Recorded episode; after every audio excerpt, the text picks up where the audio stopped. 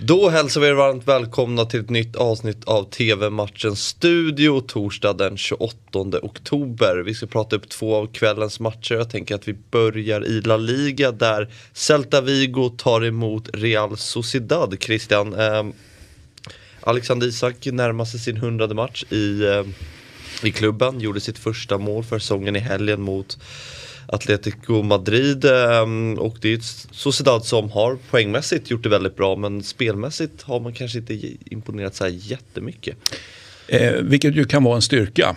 Att man, man, man, man vinner, tar poäng trots att man inte övertygar. Det, går ju, det är verkligen ett tveeggat svärd. Det är klart att det är inte bra att inte eh, stå för jättebra prestationer men att ändå få med sig mm. poängen. Eh, jag väljer att se det halvfullt då, det glaset. Så att, eh, starkt. Mm, ja men det är ju tajt där uppe, det är fyra poäng, eller fyra lag som står på um, 21 poäng och um, så um, tror att Sociedad är ett lag som kan vara med i toppen i år och hota på riktigt eller?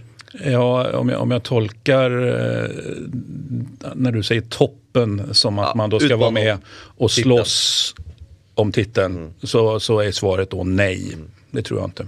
Om vi tittar på motståndarna Celta Vigo som i måndags besegrade Getafe med 2-0. En match mm. som vi pratade upp här i studion. Sorgebarnet Getafe. Mm, bytt tränare och sådär. Och, och, men det har ju hjälpt inte i den, här, i den matchen.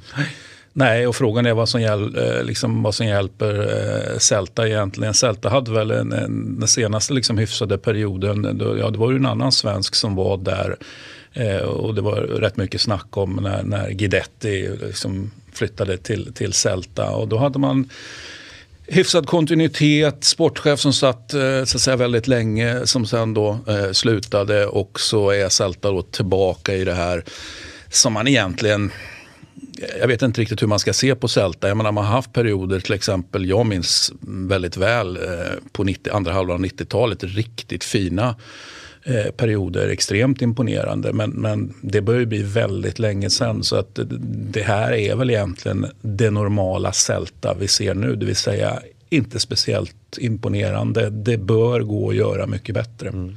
De skulle kunna göra det som Sociedad gör till exempel. Mm. I min värld.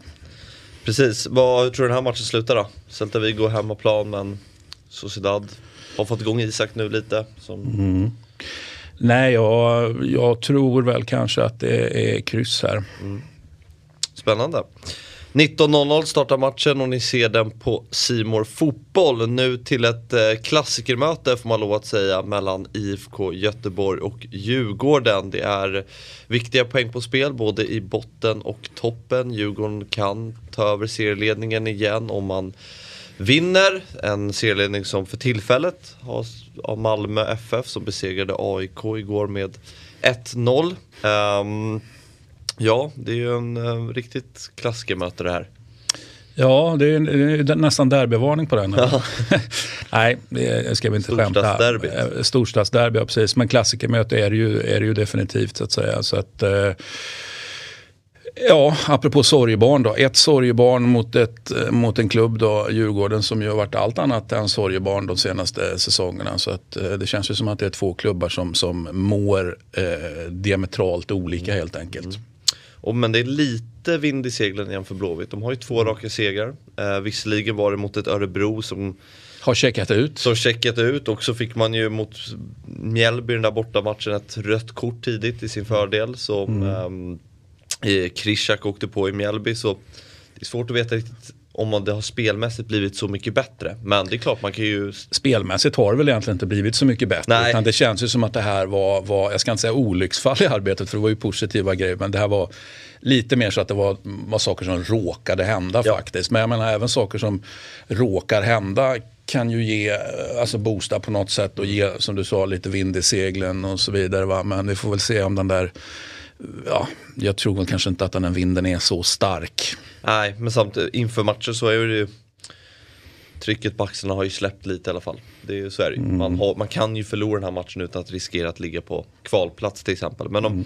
men om man tittar på lagens um, interna möten så har ju Djurgården kraftig fördel mot Blåvitt de senaste säsongerna. Man har ju fyra raka segrar på Gamla Ullevi och på hemmaplan vinner man har man desto fler. Så det är ju, om man tittar liksom Mm. Mot varandra så har Djurgården ett bra och är då fyra raka segrar ett, ett, argument för en femte seger eller ett argument emot? Det vill säga, man tar inte fem raka segrar. Jag, jag älskar den typen mm, av, mm. Av, av, diskussioner.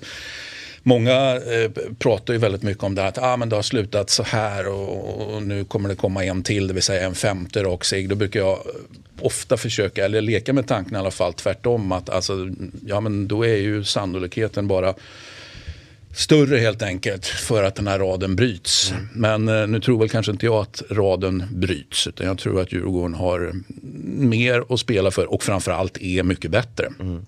Så du tror på en, um, en Djurgårdsseger här? Det gör jag. Mm. Det var allt för idag. TV-matchen Studio är tillbaka imorgon igen. Tack för att ni tittat. Hej!